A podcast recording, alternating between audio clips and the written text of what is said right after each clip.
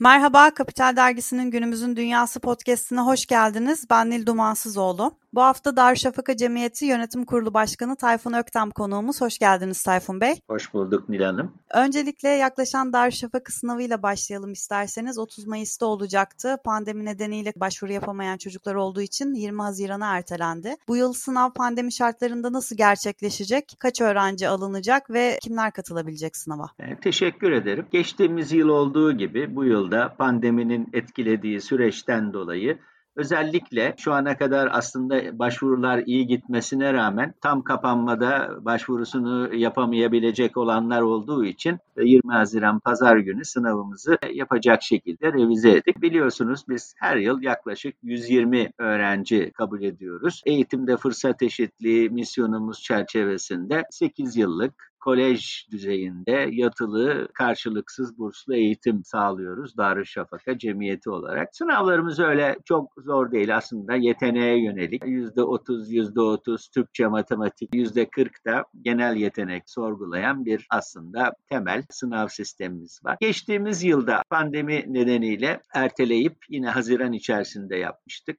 Bu yılda 28 il merkezinde sınavımızı gerçekleştireceğiz. 28 il merkezi derken Türkiye'nin her yerinden sınavımıza tabii ki öğrencilerimizi kabul ediyoruz.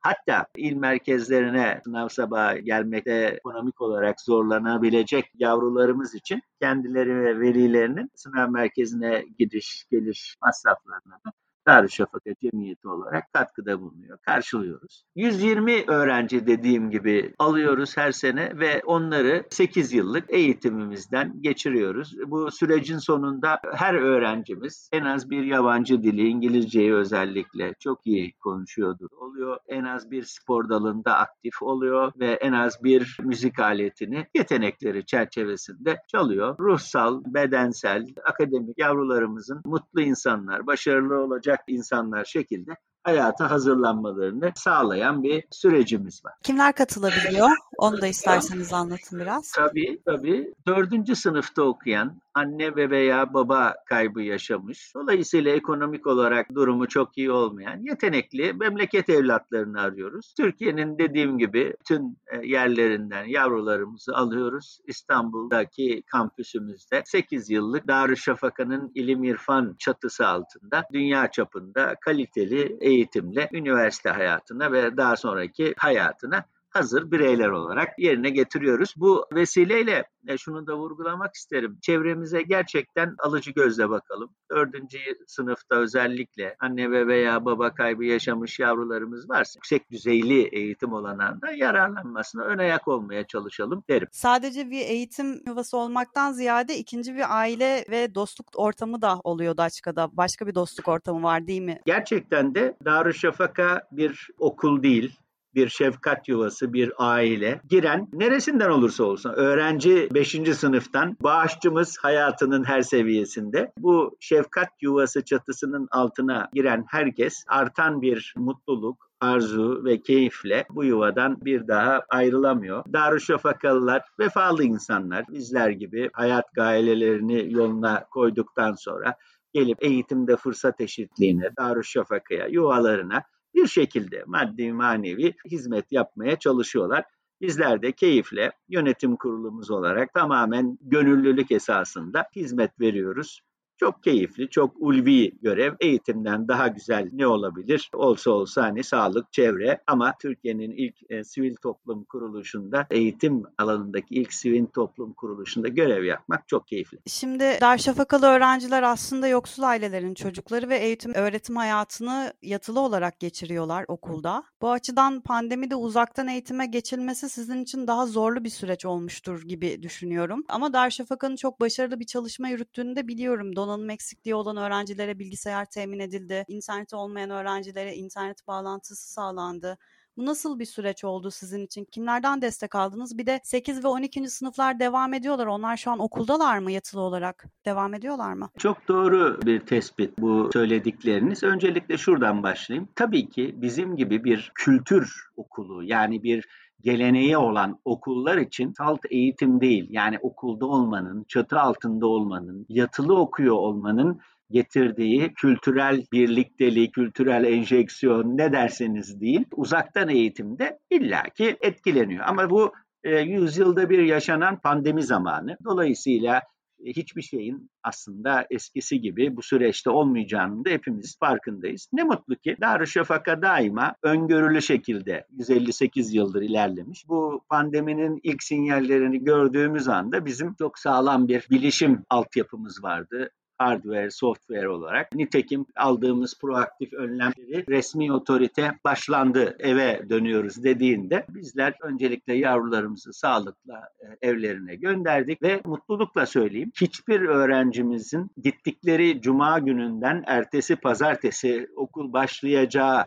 ana kadar ciddi bir sıkıntısı olmadan bir takım uzak bölgelerdeki yavrularımızın ulaşımla ilgili, aksesle ilgili bir takım sıkıntıları oldu. Hepsine uygun hardware ile ulaşım olanağını sağladık. Eksiği olanların iPad'lerini kendilerine gönderdik. Tüm okul full kontenjan olarak şunu rahatlıkla ve mutlulukla söyleyeyim. Yani birçok üniversitemizin, özel okulların zorlandığı ortamda biz ertesi pazartesi günü kaldığımız yerden eğitimi devam ettirdik. Buna şu dahil, müzik, beden eğitimi, sanat dersleri hiçbir şey tabii ki sınıf ortamının gereğini karşılayamıyor. Ama eğitimcilerimizin çok iyi bir süreç yaşadığını, yavrularımızın nispeten hızlı adapte olduğunu söylemeliyim. Hatta çok iyi bir kazanımımız oldu. Darüşşafaka'da özellikle velilerle ilişki kurma, iletişimin daha aktif ve çocuğumuzun faydasına oluşacak şekilde aktif ve gündelik olabilmesi adına çok ciddi kazanımlarda bulunduğu idaremiz, eğitimcilerimiz. Onu da hanemize fayda olarak yazdık. Şu an itibariyle hakikaten şu son bir yılı aşkın süredir epey değişiklik oldu. Bir yatılı okul için Türkiye gibi fiziksel uzaklıkların anlamlı olduğu, küçük yavrularımızın yatılı kaldığı bir ortamda zorlandığımızı söylemesem yalan olur. Ama bu eğitimden ziyade fiziksel hareket, çocukların eve gitmesi, evden gelmesi. Çünkü biz sağlığı da çok mutlu şekilde şöyle söyleyeyim. Çocuklarımızda bir sağlık sıkıntısı olmadan bu süreci geçirdik. Çocuklarımız gelirken test ederek aldık. içeride izolasyonlar yaptık. Çok çok ciddi radikal önlemlerle bugüne sağlıkla gelebildik. Gittik, gönderdik, geldiler vesaire sınavlar şu an itibariyle. Bizdeki hafta 12'lerimiz gelecek sınavlarına hazırlanmak üzere. Diğer tüm öğrencilerimiz evlerindeler. Uzaktan eğitimin gereklerini eğitim kadromuz maşallah olabildiğince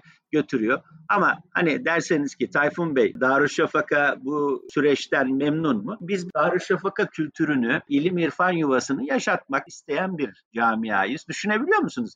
Bizim 5. sınıflarımız okullarını göremediler daha. Evet. Yani o minik yavrucaklar uzaktan eğitimle Darüşşafaka çatısını yaşamaya çalışıyorlar. Bu gerçekten büyük bir engel ama yapacak bir şey yok. Bu zor ortamda olabildiğince en iyisini yapıyoruz. Tahminim şu benim. Bütün bu zorluklar içerisinde sanki göreceli olarak Darüşşafaka bu süreci her yönden daha da güçlenerek geçiriyor gibi geliyor bana yeni öğrenimlerimiz oldu. Kendimizi test ettik birçok yönden. Özellikle sürdürülebilirlik, eğitim kalitesi, 21. yüzyılın beklentilerinin eğitim tarafından karşılanması gibi birçok yönde simultane arayışlarımız ve testlerimiz oldu. Bana öyle geliyor ki camiamız bu çok zor koşullarda sanki bir nevi bu zorlu ortama aşılanmış olarak daha başarılı olmaya aday diye umuyorum. Allah Tanrı bizden bütün kötülükleri uzak tutsun diyeceğim. Yani peki şimdi e, bir açıldı bir kapandı benim önümde bir liste var. O kadar çok bir öyle oldu bir böyle oldu ki bir buçuk yıl içinde. İşte kararlar çok hızlı değişti vesaire. Şimdi sizin öğrencileriniz de yatılı bir gelip bir gittiler mi? Nasıl oldu bu dönemde? Gerçekten öyle bir durum oldu. Tabii ki yasal otorite hem çocukların ve toplum sağlığının birinci öncelik olması,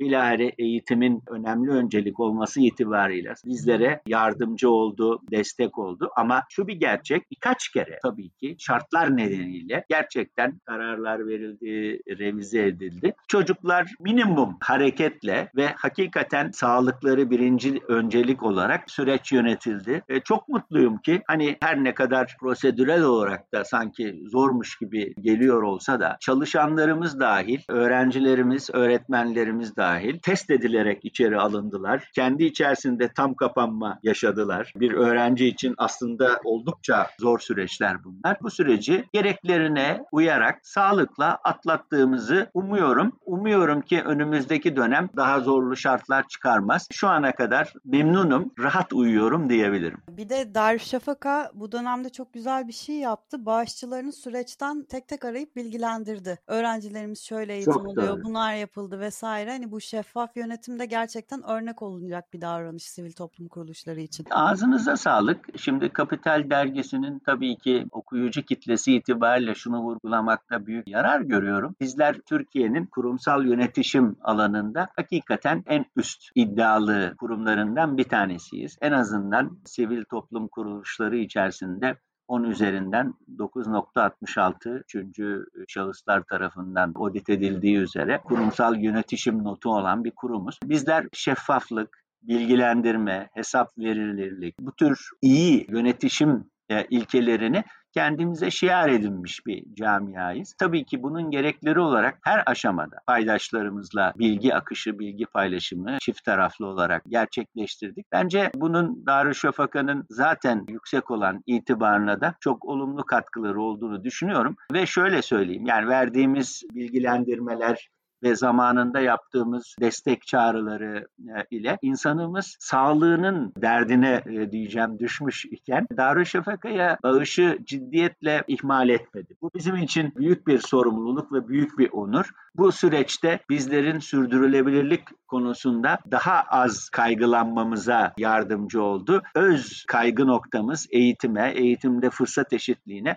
bu sayede daha zaman ayırabildik, düşünüş ayırabildik. Sanıyorum toplumla Darüşşafaka güzel bir karşılıklı ilişki kurmuş. 158 yılın getirdiği itibar insanımızda kaynaklar doğru yere kullanılıyor ve doğru şekillerde kullanılıyor düşüncesini, inancını oluşturmuş. İnsanımızın verdiği kişileriyle, kurumlarıyla mümkün kıldığı kaynakları da bizler şeffaflıkla nasıl kullandığımızı, durumumuzu, ne yapmaya çalıştığımızı bilgilendirdikçe sanıyorum bu ortamlarda daha fazla insanımız destek göstermek istiyor. Geçtiğimiz Ramazan ayında örneğin gördük. Her türlü zorluğa rağmen insanımız ve kurumlarımız uzun yıllar ortalamasının üstünde destek verdiler. Her şey insanımızın sağladığı kaynaklarla memleketin evlatlarına doğru eğitim olanaklarını, eşitliği sağlamak. Maşallah iyi gidiyoruz. Tabii ki şunu söylemem lazım. Darüşşafaka olarak bizim tek varoluş kaynağımız, girdimiz hamiyetperver insanımızın desteği. Yani bunu çok iyi ve açık bilmemiz ve söylememiz lazım. Yaklaşık bin öğrencimiz var. Gönül bunun 1500'lere, 2000'lere gitmesini arzu ediyor. Hayallerimiz var planlarımız var. İnsanımızın Darüşşafaka'yı 158 yıl olduğu gibi önümüzdeki 158 yıllarda da desteklemeye devam etmesini arzu ediyorum. Bunu yol arkadaşlığı kavramlarımız var. Kurumsal e, destekler olabiliyor. Düzenli bağış şeklinde olabiliyor. 1 lira, 5 lira, 100 lira, 1000 lira seviyeler çok önemli değil gerçekten. Önemli olan insanımızın gönlünü bizle paylaşması. Şöyle bakmak lazım. Biz yavrularımızı aldığımızda onlara 8 yıllık yatılı kolej düzeyinde eğitim sözü veriyoruz. O sözü tek taraflı olarak biz vermiş oluyoruz ama aslında o kaynaklar bizim cebimizde değil. Sadece insanımızın bizi destekleyeceğine güvenerek bu sözü veriyoruz ve insanımız da bunu onlarca yıldır, 158 yıldır bu verdiğimiz sözü destekliyor, bizi mahcup bırakmıyor. Benim buradan hani sizin vesilenizle özellikle de aslında hem bireysel hem kurumsal bağışçılarımıza, kurumsal sosyal sorumluluk projelerini biz Darüşşafaka olarak en üst kurumsal yönetişim duruşumuz, çağdaş Türkiye'ye yönelik muasır keler seviyesi seviyesine yükselme ülkümüzle, çabalarımızla, gönüllü çabalarımızla halkımızın desteğine adayız. Kurumsal sosyal sorumluluk projelerine adayız. Bize ne kadar destek verirlerse biz onu sadece ve sadece eğitime, eğitimde fırsat eşitliğine harcayacağımıza söz veriyoruz. Her türlü şeffaf ortamlarda finansallarımız, çalışma şeklimiz, entegre raporumuz her şeyimizle sorusu, sorgusu olan insanımıza, paydaşlarımıza açığız. Yeter ki bu birliktelik, bu gönüldaşlık devam etsin. Şimdi tabii şöyle bir şey var. Eğitim herkesin sorunu oldu. Sadece öğrencilerin ve öğretmenlerin değil. Çünkü bu yani biz de tam bugün aslında 19 Mayıs'ta kaydediyoruz bu programı. Gelecek yetişiyor. Evet. Haliyle pandemi eğitimde fırsat eşitsizliğinin ayyuka çıktığı bir dönem oldu. Çünkü Çok özellikle devlet okullarında okuyan çocuklar internete erişemeyen oldu, donanım eksikliği olan oldu. İşte evde 3-4 çocuk birden var, bir bilgisayar var.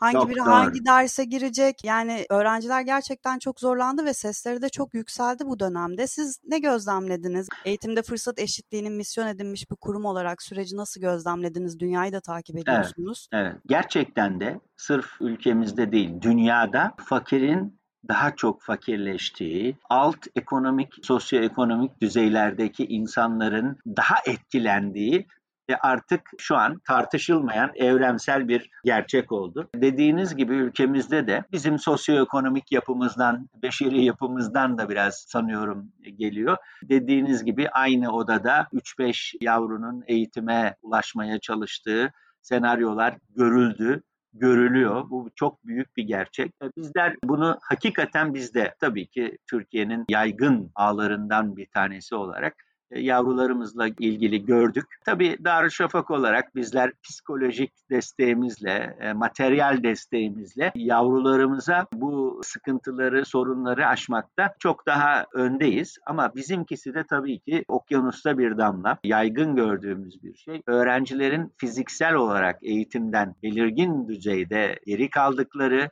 kendi ortamlarında ve heterojen ortamlarda, eşit olmayan ortamlarda çok ciddi psikolojik psikolojik, ruhsal, fiziksel sıkıntıları da yaşadıklarını münferiden de olsa gördük. Burada umuyorum ki önümüzdeki dönem bu pandeminin etkilerinin azalarak yok olmaya başlayacağı bir süreç olur. Biz Darüşşafakalılar yavrularımızın gerekleri için altyapımızı, çalışma şeklimizi adapte ettik. Yeri geldi psikologlarımızı evlerine kadar gönderdik. Bu kadar şanslı olmayan yüz binlerce öğrenci olduğunu biliyoruz, tahmin ediyoruz. Tek umudumuz ve duamız bu sürecin yakın zamanda son bulması ve bu yeni normal neyse onun gereklerinin işlemeye çalışması ve özellikle her seviyede ama hani bizim gibi bir kültür iddiası olan, bir çatısı olan, bir geleneği olan bizde abilik vardır, kardeşlik vardır, ablalık vardır. Ne bileyim yani bizde çocuk o süreçte beşeri yaşam, adabı, muaşeret, oturma, kalkma, yeme, içme yani bizimkisi salt eğitim öğretimin ötesinde bir aslında hayat paketidir diyeceğim. Çocuk başarılı, mutlu bir birey olmak üzere okulundan, liseden mezun olur arzu ettiği dallarda okur, hedefimiz olur ve mutlu insanlar, mutlu anne babalar, bireyler olur hedefindeyiz. Nispeten hayata bir sıfır geride başlayan yavrularımızın Darüşşafaka sayesinde aslında göreceli olarak öne geçtiği, daha mutlu, daha başarılı olma şansına eriştiği bir süreç bizimkisi. Maalesef kardeşleri Türkiye çapında hatta dünyada aynı eşitliği sağlayamayabiliyor. Bu da hayatın maalesef bir gerçeği. Biz Darüşşafaka olarak daima eğitim kurumumuzda nitelik ve nicelik nasıl geliştirilebilir hep düşünür, tartışırız. Niteliğimiz maşallah belli dünya seviyesindedir. Yani öğretmen başına 4-5 e, öğrenci düşer. Teknolojinin getirdiği en son yenilik neyse onlar kullanılır. Her çocuğumuz, yavrumuz bir müzik aletini şöyle böyle çalar. Bir spor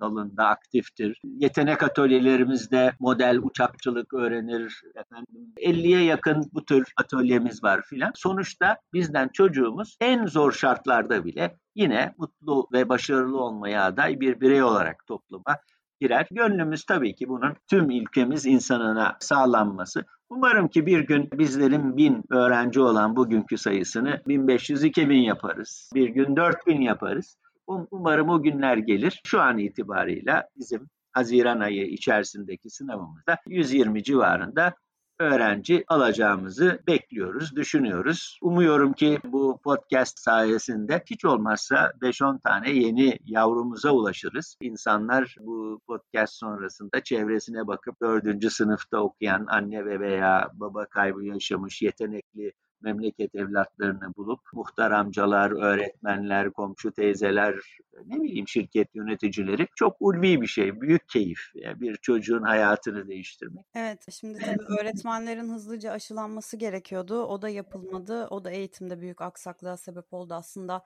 sağlık çalışanlarından sonra öncelikli grup olması gerekiyordu.